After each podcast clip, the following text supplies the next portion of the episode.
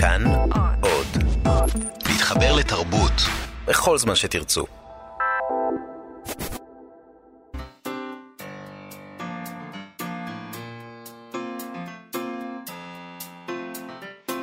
מה שכרוך עם יובל אביבי ומה יעשה לה. שלום, אנחנו מה שכרוך בכאן תרבות, מגזין הספרות היומי שלכם ב-104.9 או ב-105.3 FM. אפשר גם ביישומון של כאן לשמוע אותנו. אה, אפשר למצוא אותו בחנויות האפליקציות. איתנו באולפן היום אריאל בן דוב וחן עוז, אה, ושלום לך יובל אביבי. שלום, מאיה סלע. אה, היום נדבר עם המשוררת הדס שחם זוננפלד, שספר שיריה הראשון, הדבר שאנחנו באים אל תוכו, יצא לאחרונה לאור.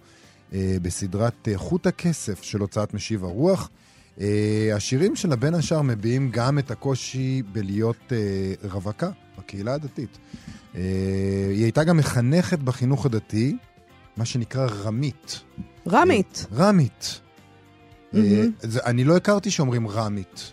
אנחנו לא. לא משם. לא משם. אז קודם 아, כל... אה, כן הכרת רם? רם זה ראשי תיבות של רב מחנך. איך הגעת למצב שאתה מכיר את זה? לא יודע. אה, ידע כללי. אז רמית, זאת אומרת, אה, אתה אומר, לא ידעתי שיש נשים שהן... לא ידעתי שככה קוראים להן. אה, אוקיי. ידעתי שיש נשים שמלמדות. ראשת. ממשלה, ראשת הממשלה. בדיוק, אפשר לקרוא לה רמית, פשוט, לראשת הממשלה, זה אותו ראשי תיבות. בקיצור, היא כבר לא. היא עשתה הסבה לתחום מדעי המחשב, ועכשיו כאמור יוצא ספר שיריה הראשון אחרי עשר שנות עבודה. אולי זה קשור לזה, שהיא הצליחה להוציא אותו סוף סוף אחרי שהיא הפסיקה ללמד. אה, נדבר גם עם אה, צייד הספרים שלנו, אילי גרין, מחנות הספרים המשומשים האחים גרין, על עלילותיו בעולם אספנות הספרים. אבל קודם כל, בואי נחזור לסוגיה שפעם, בעבר הרחוק הרחוק, הטרידה מאוד את עולם הספרות הישראלי, והנה, נעלמה, גבעה לה, איש לא מדבר עליה יותר. פרס ספיר. נכון, נכון. בשבוע שעבר היה נדמה שאי אפשר לעבור יום בלי לעדכן אה, מגזרה הזאת. אה, עכשיו אנחנו כבר לא מדברים על הדבר הזה, אין עדכונים, אין מהסופרים המוחים, אני לא יודעת מה קורה שם. אין מצטרפים לרשימת הפורשים מפרס ספיר, היו יש רק שלושה כאלה שפרשו. אה, ולא מדברים על זה יותר. בקיצור, מה שנקרא, היה ונגמר, ואנחנו במאבק הבא. כן. אה, למי שזקוק לתזכורת בכל זאת, אה, כי בסך הכל זה היה מזמן מזמן, נאמר בקצרה שמפעל הפיס נכנע למחאת אה, גורמי ימין והורים שכולים נגד הענקת פרס אה, כספי מטעמו לסרט הזוכה בפסטיבל דוק אביב לאה צמל עורכת דין. הוא בחן את ביטול התמיכה של מפעל הפיס בפסטיבל דוק אביב להבא, וגם את שלילת הפרס מהסרט הזוכה השנה, ובעקבות זאת שלוש סופות, כאמור, הכריזו על פרישה מהמועמדות לפרס, לפרס ספיר, שגם אותו מחלק מפעל הפיס, וכ-40 סופרים וסופרות הכריזו שאם כן יזכו בפרס ספיר, אה, ינתבו חלק מכספי הזכייה לטובת מימון הסרט הזוכה בפסטיבל הזה. אה, חיכינו, חיכינו, המתנו, המתנו, ומי לא בא? תגובת מפעל הפיס. שם שומרים על שתיקה, אה, לכאורה כי הבחינה המשפטית של העניינים האלה אורכת זמן, אבל זה גם לא מזיק, כך מתברר, להישגים תקשורתיים נקרא לזה. Uh, טוב, חלפו כמה ימים באמת, uh, ופשוט שערורייה אחרת החליפה את שערוריית לאה צמל. אה, ובאמת נראה שאף אחד כבר לא זוכר את הדבר הזה. אה, ומילא שאין תגובה של מפעל הפיס, אין, אין יותר פוסטים בפייסבוק, אה, ויכוחים זוהמים על דרך הפעולה, מיצינו את הדבר הזה, זה נשכח, זה היסטוריה עתיקה. Uh, ככה זה מאבקים בפייסבוק, זה, זה, זה מה שקורה איתם תמיד. Uh, ואני לומדת מכל זה דבר שאבא שלי אמר לי עוד בהיותי ילדה, קטנה. הוא אמר לי כך, לפעמים עדיף לא לדבר. במובן הזה ההתנהלות של מפעל הפיס הייתה פשוט גאונית. כן. חוץ מפספוס אחד של יושב ראש מפעל הפיס שהתפרץ על איראן עצמו אה, ואמר דברים קצת לא לעניין. אה, הם פשוט נתנו לזה למות, וזה אכן מת, ואני אחזור על הציטוט של אבא שלי, עדיף לשתוק, ושיחשבו שאתה טיפש, מאשר לדבר ולהוכיח. אני חייב שאתה טיפש. ומפעל הפיס, אתה, כן, זה כבר כמעט מאוחר מדי בשבילך, אולי אפילו מאוד מאוחר מדי. אבל תמיד אפשר לתקן, תמיד אפשר. אני לא בטוחה שתמיד על... אפשר לתקן, אבל תנסה, בוא ננסה רגע. תראה, למרבה המזל, יש אחד שעדיין כותב בפייסבוק, אה, בכלל, וגם על הדבר הזה. אה, חבר הפייסבוק המשתלם ביותר, לפי דעתי. ממש. קוראים לו אסף שגיב, הוא עורך הוצאת שלם. מדי פעם אנחנו קוראים פה דברים שהוא כותב. הוא המתנה שלא מפסיקה לתת הבן אדם נכון, הזה. בשבוע בשבוע שעבר הוא כתב את נקודת המבט שלו על הסוגיה הזאת. אה, כרגיל אצל אסף שגיב, מדובר בטקסט אה, גאוני ומשעשע, שכדאי לקרוא את כולו, אה, והוא רצוף עלבונות נפלאים ונהדרים. ואני חושבת שאנשים מעולם הספרות חייבים לדעת להעריך. כתיבה כזאת נהדרת של עלבונות. כן. פשוט, לא הם חייבים לקרוא את זה ולהתפעל וליהנות מהדבר לא הזה. לא בטוח שהם יצליחו אה, להתפעל, אז פשוט נקרא את זה. בבקשה. כדי שהם ידעו על מה מדובר. כך כותב אסף שגיב בפייסבוק. מכל העדרים האנושיים, העדר הספרותי הוא אולי המטופש ביותר. בגלל הפער העצום בין יומרנותו האינטלקטואלית והמוסרית, ובין התנהגותו הילדותית עד גיחוך. מי שלא ראה להקה של אמנים ואנשי רוח בעיצומו של התקף נפיחות צדקנית, לא ראה פארסה מימיו.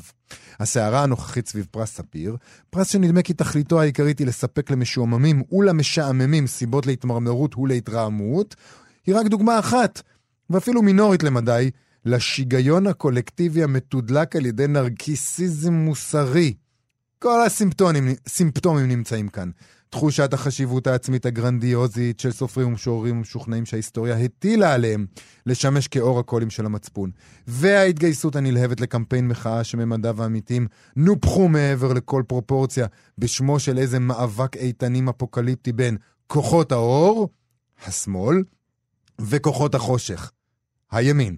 בדמיונם של חותמי העצומות הקומפולסיביים, כל פוליטרוק ימני הוא אויב המחשבה החופשית, כל פרובוקטור שנמנע ממנו מימון ציבורי, בצדק או שלא בצדק, הוא דיסידנט, וכל מי שזוכה לחיבוק הממסד, שלא לדבר על הערכת הימין, מכר כנראה את נשמתו למולך הפשיסטי. הוא פשוט, אה, זה נכון, כן. אה, אין מה לעשות. לא ו- נעים. וזה עלינו. כן. אה, דיסידנטים גדולים, בהחלט. אה, הוא ממשיך וכותב ככה, לפנטזיה הקיבוצית הזאת יש נקודת השקה מובחנת בזמן, הלוא היא פרשת דרייפוס, לא פחות ולא יותר.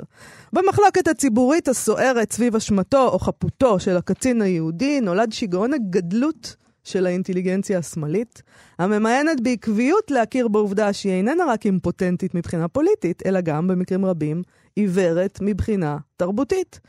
ביד המקרה, בגיליון ה-21 ביוני של ה-TLS, זה ה-Times Literary Supplement, המוסף הספרותי של ה-Times, מתפרסם מאמר ביקורת על הספר פרוסט, פרס גונקור, מאת הסופר והמבקר הצרפתי תיארי לאז'ה. הספר עוסק בסערה הציבורית שהתלקחה סביב זכייתו של מרסל פרוסט בפרס גונקור היוקרתי בדצמבר 1919, עבור ספרו בצל עלמות מלבלבות, החלק השני של יצירתו המונומנטלית בעקבות הזמן האבוד. החלטת אקדמיית גונקור להעניק לפרוסט את הפרס נראית היום אולי כמעט מובנת מאליה, אבל בעיני אנשי ספרות צרפתים רבים באותה תקופה היא הייתה לא פחות משערורייתית. המועמד המוביל לזכייה, עד לרגע ההחלטה, היה הרומן הפציפיסטי, צלבי העץ, של רולן דור ז'לס. סופר בן 34, שלחם במלחמת העולם הראשונה ושתרגם את הזוועות שחווה על בשרו ליצירה רבת רושם, בדומה לאריק מריה רמרק.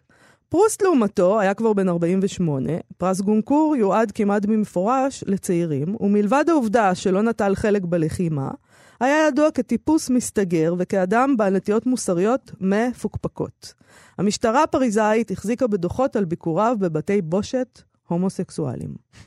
אם לא די בכך, הרומן שחיבר הצטייר למבקרים, ובעיקר למבקרים מן השמאל, כבורגני עד זרה, וכמנותק מן הסוגיות הפוליטיות והחברתיות הבוערות. הסוציאליסטים התרעמו על כך שהאוננות הסנטימנטלית של פרוסט זכתה באות הוקרה שראוי היה להעניק לאחד מן הקולות הצעירים והרלוונטיים יותר בסצנה הספרותית. ומי ניצב לצידו של פרוסט, ממשיך uh, אסף שגיב? גדול מניצי היושר שלו והאדם האחראי במידה רבה לזכייתו היה ליאון דודה, שמלבד היותו חבר רב השפעה באקדמיית גונקור, היה גם, על פי עדותו שלו, האדם הריאקציונרי ביותר בעולם. ליאון, בנו של הסופר אלפונס דודה, נמנה עם הדמויות הבולטות בימין הקיצוני בארצו. מונרכיסט קתולי אנטישמי שהתייצב ביחד עם שארל מוראס בראש מנאציו של דרייפוס. פרוסט, ראוי להזכיר, היה יהודי מומר מצד אמו, שמאלן מובהק ודובר עקבי ונחרץ בזכות חפותו של הסרן היהודי. כל זה לא הפריע לדודה להכריז עליו כעל גאון ספרותי מן המדרגה הראשונה ולהמליץ לאקדמיית גונקור להעניק לו את הפרס, להבטיח את הרוב הנדרש בדיוני הוועדה, ואם לא די בכך, לפרסם מאמר מערכת נלהב באקסיון פרנסז, כתב העת הידוע לשמצה, שבו הוא מעלה על נס את מפעלו הספרותי של פרוסט. הוא מסכם בקביעה שהסופר סולל את הדרך לצורות שונות של חדשנות בכל התחומים. פרוסט מצידו היה אסיר תודה על המחווה, אף שלא יכול היה שלא להביע פליאה לנוכח פרסום טקסט כזה בנישה המוקצת בדרך כלל לקריאות מוות ליהודים. נכון, זה היה אה, עיתון מאוד אנטישמי, והוא מסיים אסף שגיב כך: אתם רשאים כמובן להסיק מן הסיפור הזה כל מסקנה שתעלה בדעתכם. לדידי, אפשר לראות בו דוגמה מעניינת, ובשום אופן לא יחידה, למצב עניינים שבו ריאקציונר אחד, בעל כושר הבחנה חד ולשון חריפה, מיטיב להבחין במה שנסתר מעיניו של עדר אינטלקטואלי גדול, הנע בהמוניו תחת נס פרוגרסיבי, אף שלפרוסט נמצאו גם מעריצ... מעריצים מן הצד השמאלי כמובן, ואפשר לראות בו גם ראיה לכך שעלינו לשים כל פרס ספרותי וכל תגובה ציבורית נרגשת ונרעשת שהוא גורר בפרופורציות הנכונות. מה הן הפרופורציות האלה? את זה יקבעו כתמיד רק הדורות הבאים. לנו לא נותר אלא לגזור על עצמנו קצת צניעות, לוותר על תועפות של אוויר חם ולהפסיק לכפות על המציאות, ובכלל זה על עולם התרבות, דיכוטומיות אידיאולוגיות פשטניות. טוב, זה פוסט מבריק, אין מה לומר, אה, מאוד כיף אה, לקרוא אותו, ואולי אני חושב בעצם מה שקורה עכשיו, השתיקה הזאת, המשונה והפתאומית בכל הנוגע לסערה, שרק לפני רגע הטרידה את כולנו על בסיס יומי, זה סוג של פרופורציה. לא. לא? לא.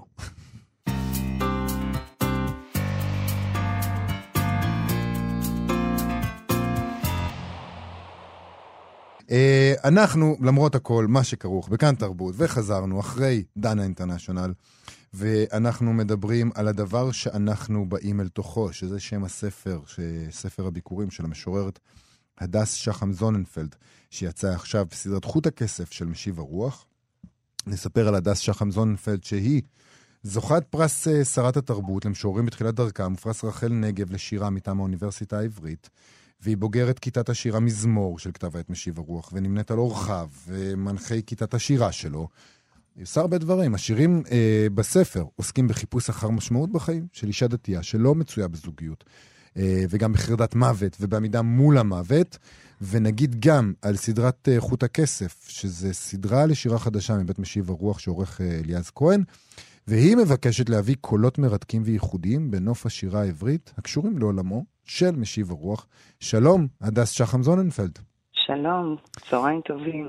אה, אולי נתחיל בהקראת שיר. כן. אני אשמח. בבקשה. אני אשמח. ילד שואל, למה את הולכת? אני יכול לבוא איתך לירושלים. בכל מסביר אני אומרת שהגן שלו כאן, ולאן הוא ילך בבוקר. ילד שואל, ואני מחזקת ביצורים תת-עוריים, כי מה אכפת לי לקחת אותו לירושלים? ועד מתי יבקש, ומתי יחכם ויתייאש מלהטיל רצונות בגלוי, בחוסר צניעות מוצלח? ואיך פרדות נהיו קרעים קבועים בבגדים, ומי שם לב כשאתה מתהלך איתם? ובירושלים יש מיטה ומחשב וקפה, וכאן ביני לבינו עובר ושב פלא אחוז בעיניים אפורות, וילד יחיד בעולם שקורא לי בשם חיבה ללא סייג. ולא תמיד נלכד הפלא, אבל תמיד צער הפרידה בוער. כמעט תמיד גורם לי עוד להישאר. נושם כבד. ועכשיו אני כותבת במוסך בירושלים. לא נעים לבכות בקריאת המוסך, המוסכים בתלפיות. ואנשים לא התגעגעו אליי כאן, ולא אל מכונית שמורה היטב, שפעם כשנסענו איתה, עברנו על פני חיריה, וגילית שלשם מגיע הזבל. אני גיליתי לך אני גיליתי לך סודות של העולם. זו הייתה השורה האחרונה שפשוט uh, נקטעה כי הטלפון אה, השתבש. אני נורא אוהב את זה, שהסודות של העולם, שמתגלים לילד, זה לעבור על פני חיריה ולגלות שלשם מגיע כל הזבל. אז הדס, למה בעצם לקח לך כל כך הרבה זמן אה, להוציא את הספר הראשון שלך, כשאת בשטח די הרבה זמן? כן, אה, אז דבר ראשון, יש פה עניין אה, אישיותי, אפשר לומר, של איטיות בכל תחומי החיים, אני חושבת. משהו שלוקח לו זמן להבשיל, להבין מה הוא רוצה, וגם איזה ש... איזושהי תעוזה כזאת לצאת אל העולם ולהיות מוכנה לספוג את, אה, את מה שהוא יגיד. על mm. דברים. אוקיי. בגלל התכנים, אה, או, או, אה, או שזה לא קשור? עצם כתיבת שירה זה... מעצם כתיבת שירה, מעצם זה שיש לי משהו והוא בחוץ, והוא... אה, אנשים יכולים להגיב או לא להגיב, עוד יותר גרוע, נכון? כן. אה, תלוי עד כמה הביקורת קטלנית, לפעמים אנשים היו מעדיפים שהיא נכון, לא נכון, תיכתב נכון. בכלל.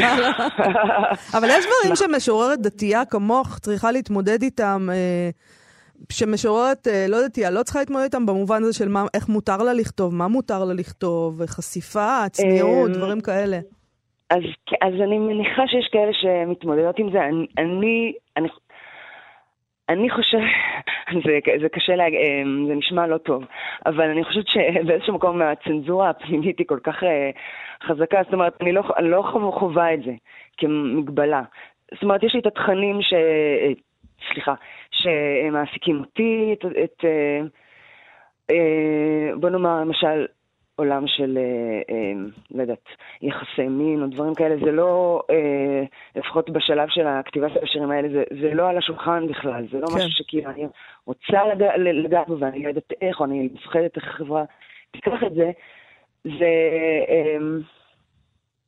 אני, בקיצור, המקום, אבל יש גם, ה- יש, יש יש גם, איזה תיעול כזה של המקום היצירתי, שהוא כאילו מתואר למקומות שכבר, שממילא הם אה, חופשיים בשבילם. כאילו. אבל יש מידה גם לא מועטה של חשיפה, לא רק אה, יחסי מין זה דבר, אלא נגיד אה, כשמדברים על בדידות של אישה שעוד לא התחתנה, נכון, זה, נכון. זה, זה כמו להתפשט, זה קשה. כן, זה אגב, נכון. זה לא קשור ל...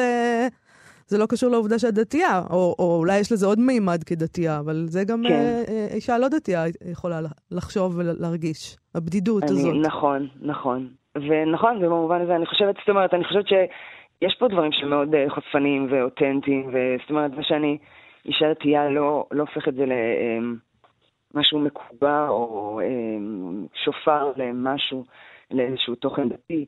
כלומר, מבחינתי זה, זה העולם שבתוכו אני חיה, וזה מה שאני כותבת. מאוד אה, בגילוי לב מבחינתי. אה, אבל אחד הדברים שקורים כשכותבים אה, ספר במשך עשר שנים, זה שהרבה מאוד דברים בחיים האישיים שלך השתנו. ועכשיו את נכון. מסתכלת על השירים האלה ואת צריכה לקבץ אותם בספר, נכון. ויכול להיות, ש, להיות שהם מרגישים אה, אה, אפילו קצת זרים פתאום? יכול להיות שאת כבר אישה נשואה עם שלושה ילדים, כאילו. נכון, כן, אפילו. צריך לומר שאני אני אישה נשואה עם שלושה ילדים. ואת כותבת באמת. פה דבר, דברים מאוד קשים, כי נקרמתי להיות עמוד של בדידות. זה... נכון, כן, כן. אה, נכון, אז דבר ראשון, באמת, אה, גם ב...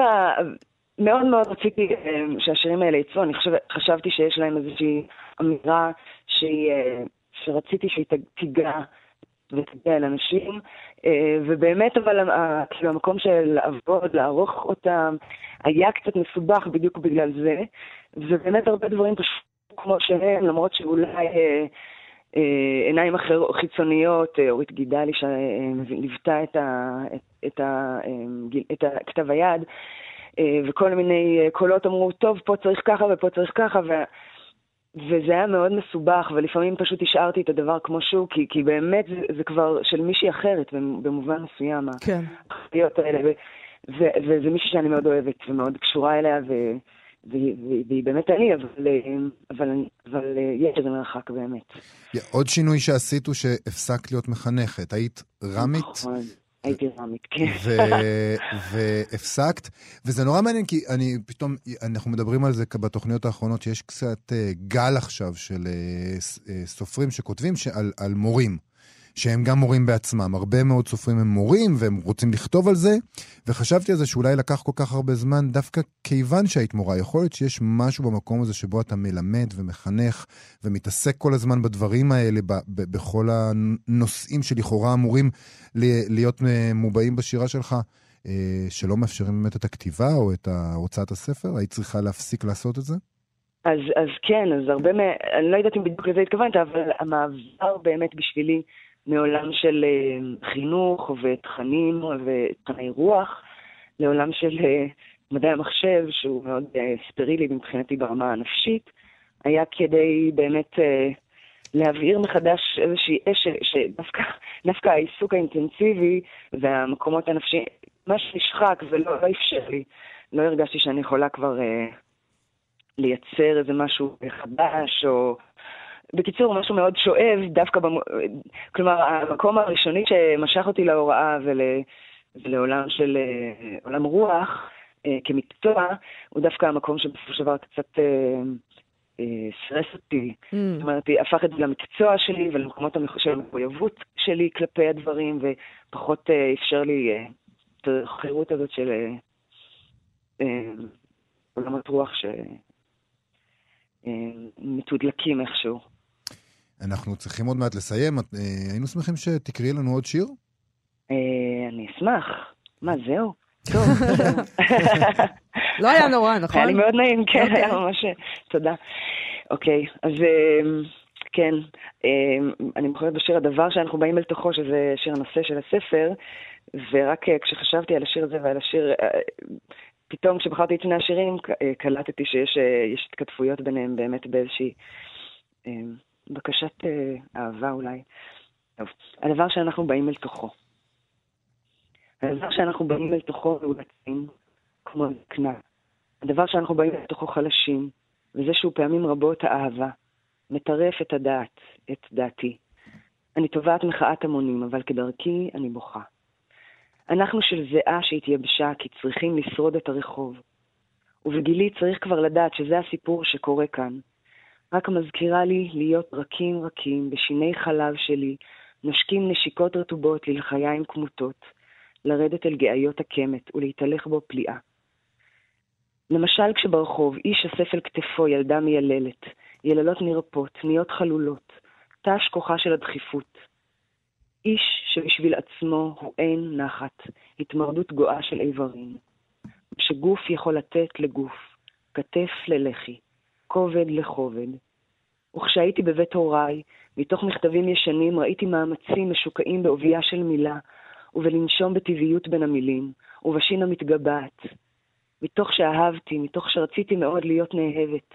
וגם בזה אני אומרת, איך לנחם השתדלות של קריצות מאומצות, ממצמצות מכל שורה, ומה יהא עלינו, ומה יהא עליי, גופניות שמבקשת רוך כל הזמן. אני חלשה, אני חזקה, זה נע בתוכי לפרקים, נע בהרף עין, מבליח, כבה, יונק ונאחז ונושר, איך אני חזקה, לא זוכרת אני חלשה, לא זוכרת אני חזקה. מבקש, מבקשת לגשור גשרים ביניהן. אני ואני, כדי להכות מצוקה. הדס שחם זוננפלד, בואי רק נגיד שיש אה, לך השקה, אירוע השקה ב-18 לחודש, אה, בגינה הקהילתית בירושלים, נכון? זה ליד מוזיאון הטבע. נכון. זה ממש בעוד נכון שלושה ימים בעצם. ביום חמישי זה? נכון, נכון, כן, חמישי, כן. אז uh, זה גם דבר, ותודה רבה לך על השיחה הזאת. תודה רבה לכם, יובל. להתראות.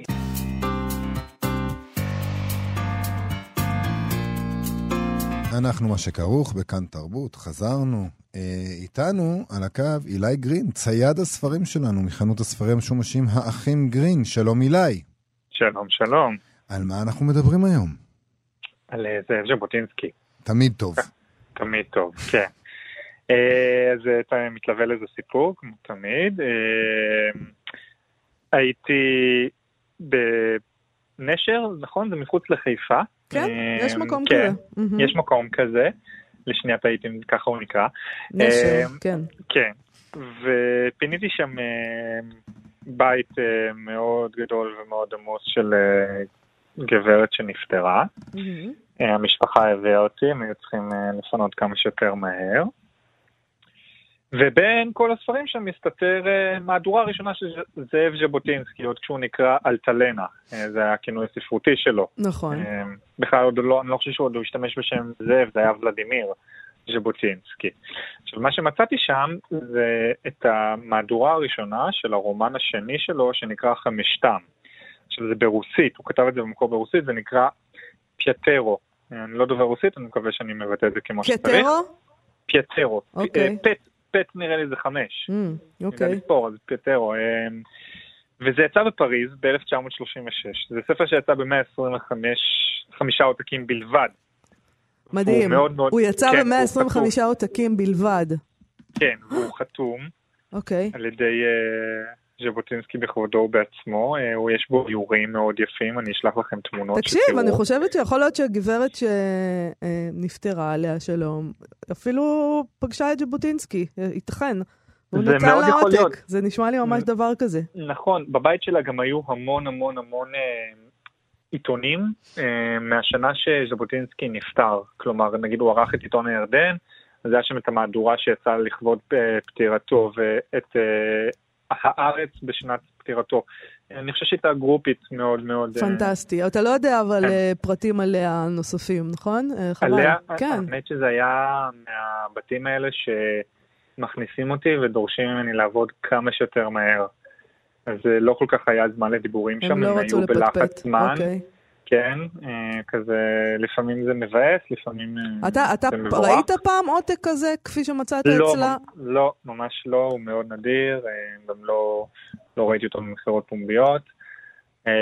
אני רק רוצה יפה. לומר שאני חיפשתי, וחמישתם בתרגום לעברית מופיע בפרויקט בן יהודה. אפשר לקרוא את הרומן הזה בעברית.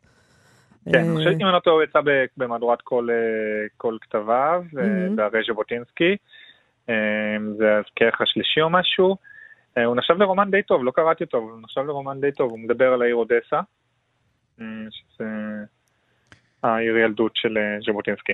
תגיד, האספנים שמתעניינים בדבר כזה, כן. הם בדרך כלל, אה, מה- מה- מה- לאיזה ז'אנר בתחום האספנות הדבר הזה נופל? כי הרי זה ברוסית. זה נכון, לא... אבל זה נופל לאספני חתימות. אה, אוקיי. אה, לא, וגם אני, יכול להיות שבבית. ז'בוטינסקי, או לא יודעת מה, מכון ז'בוטינסקי, כן. מה זה, זה... או סתם אנשים שמתעניינים ברוויזיוניסטים ובתרבותם המון וכו'. רוויזיוניסטים, כנראה, כן, יש אה, תחום אספנות שגדול שם. אה, זה נופל להרבה תחומים בעיניי. אה, הרבה רוצים שיהיה להם באוסף שלהם חתימה של אה, ז'בוטינסקי. אז, אז רגע, אז מה, אז כמה זה יעלה למי שרוצה זה הדבר את הזה? שואלת? אני, אני, מה, את- מה, מה את- אני את. יכולה לעשות? אני משתלבת, משתלבת אה, במרחב. דרדרתי אותה, דרדרתי. זה הישג, כי. בדרך כלל אני נגרר אחרייך. פעם אחת תגררי אחריי. נגררתי. לגמרי. אני, אני מעריך שזה מינימום 300 דולר. Mm, אוקיי. כן. לדעתי זה שווה הרבה יותר. אני גם חושב, אבל אה, השאלה אם משלמים הרבה יותר. כן, כן. זה מה אני, שקובע הרבה דברים. בעיניי אה, שווים יותר ממה שבסוף מסתבר. אני- חושב שאת, אם היית צריכה למכור דברים, היית בוחרת לא למכור בגלל שהמחיר נמוך. ברור, מה זה בשבילך. 300 הרבה דולר? איזה מין דבר זה? לא, גם הערך הסנטימנטלי, מה... כאילו, אם זה 300 אלף דולר, אז אתה אומר, בסדר. כן, זה לעזאזל ישנה לי את החיים." הסנטימנט- הסנטימנטים. נכון. אבל אם זה 300 דולר, זה לא ישנה לי את החיים. תגיד, עכשיו אני רואה אה, ששלחת לנו את העמוד שבו יש את החתימה, וכתוב כן. שם משהו ברוסית, שאני לא קורא רוסית, וכתוב שם 1 עד 50 ו-51 עד 125. והעותק שאתה קיבלת הוא 69 מתוך 125. אז יש אני כ- לא יודע... אני לא יודע מה. מה ההבדל? מה ההבדל, כי אני לא קורא רוסית. בדרך כלל אני יודע מה... מדוגמאות אה, שקרובות לזה, בדרך כלל נגיד העותקים הראשונים הם אה, כולל הקדשה אישית, או, יתפסו על אה, נייר איכותי יותר, או שהם גם כוללים נגיד חתימה של המאייר, זה בדרך כלל אה, מהדורה יותר ביבליופילית. כלומר, הבנתי. זה דרך של ההוצאה, כלומר להבדיל הוצאה כזו, הדפסה כזו מהדפסה אחרת. הבנתי. אז לך יש את העותק ה-69. נכון.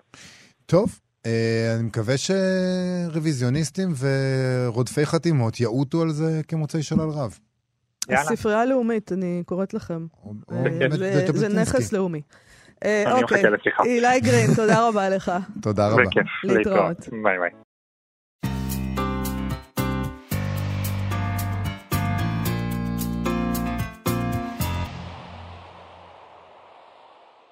כאן תרבות, מה שכרוך, אנחנו נעשה קצת גנזים. אה, וחשבתי לעצמי, למה שלא נקרא טיפה מחמישתם אה, של ז'בוטינסקי, כפי שזה מופיע בפרויקט בן יהודה, בתרגום י"ה יבין וחנניה רייכמן. אני חושב שזה רעיון טוב מאוד. אוקיי, אז זה רק הפתיחה. כל, זה, זה חופשי, כל אחד יכול לגשת, זה טקסט מקסים. תחילת הסיפור הזה, מחיי אודסה הקודמת, נעוצה בעצם ראשיתה של המאה שלנו. שנותיה הראשונות של מאה זו נקראו אז בפינו אביב, במובן של התעוררות ציבורית ומדינית, ובשביל בני דורי היה זה גם אביב אישי, תקופת העלומים האמיתית של גיל ה-20. והנה שני האביבים הללו, וגם דמות בירתו העליזה של הים השחור בימים ההם, עדוית עצי השיטים על החוף התלול נשתזרו בזיכרוני עם קורות משפחה אחת, בת חמישה ילדים. מרוסיה, מרקו, ליקה, סריוז'ה, טוריק. מקצת הרפתקותיהם עברו לעיניי. את השאר, אם יהיה צורך בכך, אספר מפי השמועה, או אבדה לפי הניחוש. אינני ערב לדיוק, לא בתיאור חיי גיבוריי, לא בסדר המאורעות הכלליים, העירוניים והכלל רוסיים, אשר שימשו רקע לכל הפרשה הזאת. הזיכרון לעתים קרובות מטעה ומכשיל, ובשביל ברורים אין פנאי.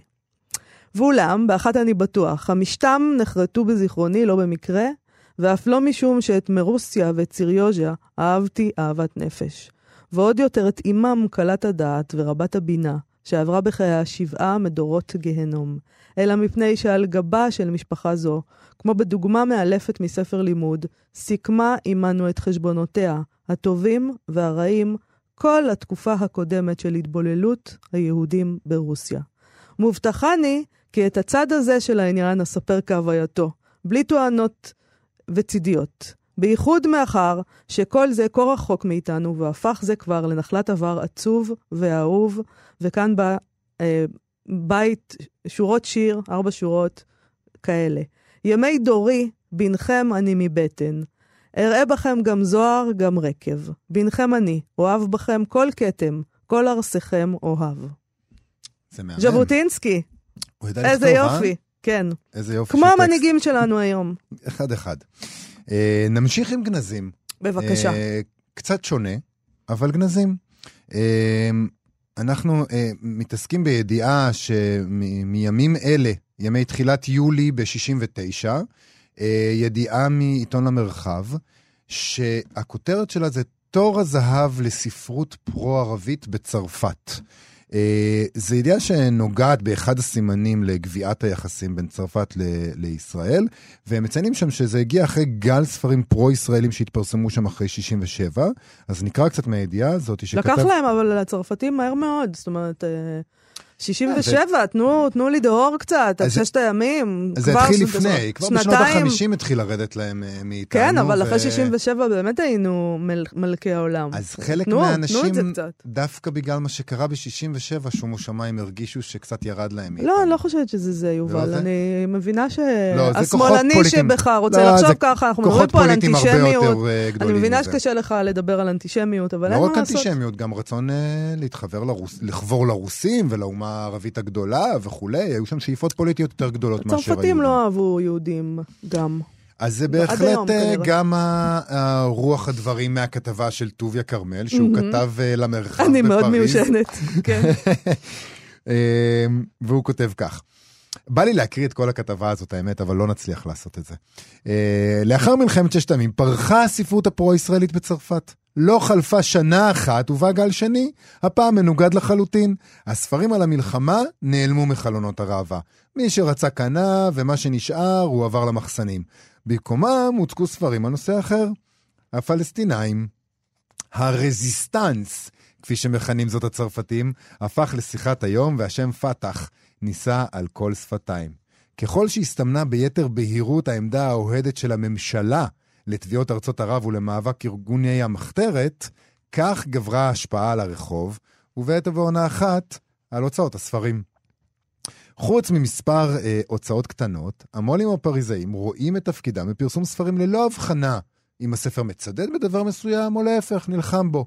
אותה ההוצאה שפרסמה ספר אוהד לצה"ל, מפרסמת עכשיו ספר אוהד לפתח. בואו רק נגיד שאנחנו מדברים פה על 68, שזה ההפגנות הגדולות של של הסטודנטים, הסטודנטים, כן. והשמאל קם שם, זה ברור, זה, זה נכון. זה יש נמצא מה- שם. מהלכים גדולים אה, קורים. המלחמות זה לא איזה דבר שמהללים עכשיו, עכשיו אנחנו לא אוהבים מלחמות, וברור אבל כן שאנחנו... אוהבים לוחמי חופש. אה, בדיוק, ואנחנו אוהבים לוחמי חופש, וברור שזה הפלסטינים, כן, זה הרקע. אז זהו, וזה מה שהוא כותב כאן, הוא כותב חופש דיבור לכאורה, במרכאות כפולות, אך שיקול מסחרי למעשה. מפרסמים את הדברים, להם ישנם הסיכויים הרבים ביותר להימכר. נו, באותה שעה. בסדר, זה כן, באמת, בדיוק. סטודנטים אה, הולכים לקרוא על זה. ברור. זה המובן מאליו, אבל כן. תגיד לנו משהו שאנחנו לא יודעים. אז הנה. מספר הספרים הפרו-ערביים הת- התרבה במהירות רבה כל כך עד שנדמה ממבט ראשון שהעולם הערבי זכה שוב בתור זהב ספרותי. בחינה מדוקדקת יותר מעלה שמרבית הספרים האלה לא נכתבו על ידי ערבים. הם נכתבו על ידי צרפתים קתולים או צרפתים יהודים. מבין המחברים האלה ניתן, אה, ניתנת זכות הבכורה לאניה פרנקוס, משום שעליה מרבים לדבר יותר מאשר על מחברי הספרים האנטי-ישראלים האחרים שפורסמו בפריז. אה, הוא מספר קצת עליה. אה, היא לא ציפתה לדבריו למלחמה בין ישראל לארצות ערב באותה תקופה, ב-67', והיא נמצאה בקהיר באותה שעה, והגיעה לשם במסגרת סיוריה בארצות הערביות כדי להכיר את הפליטים ואת ארגוני המחתרת שלהם.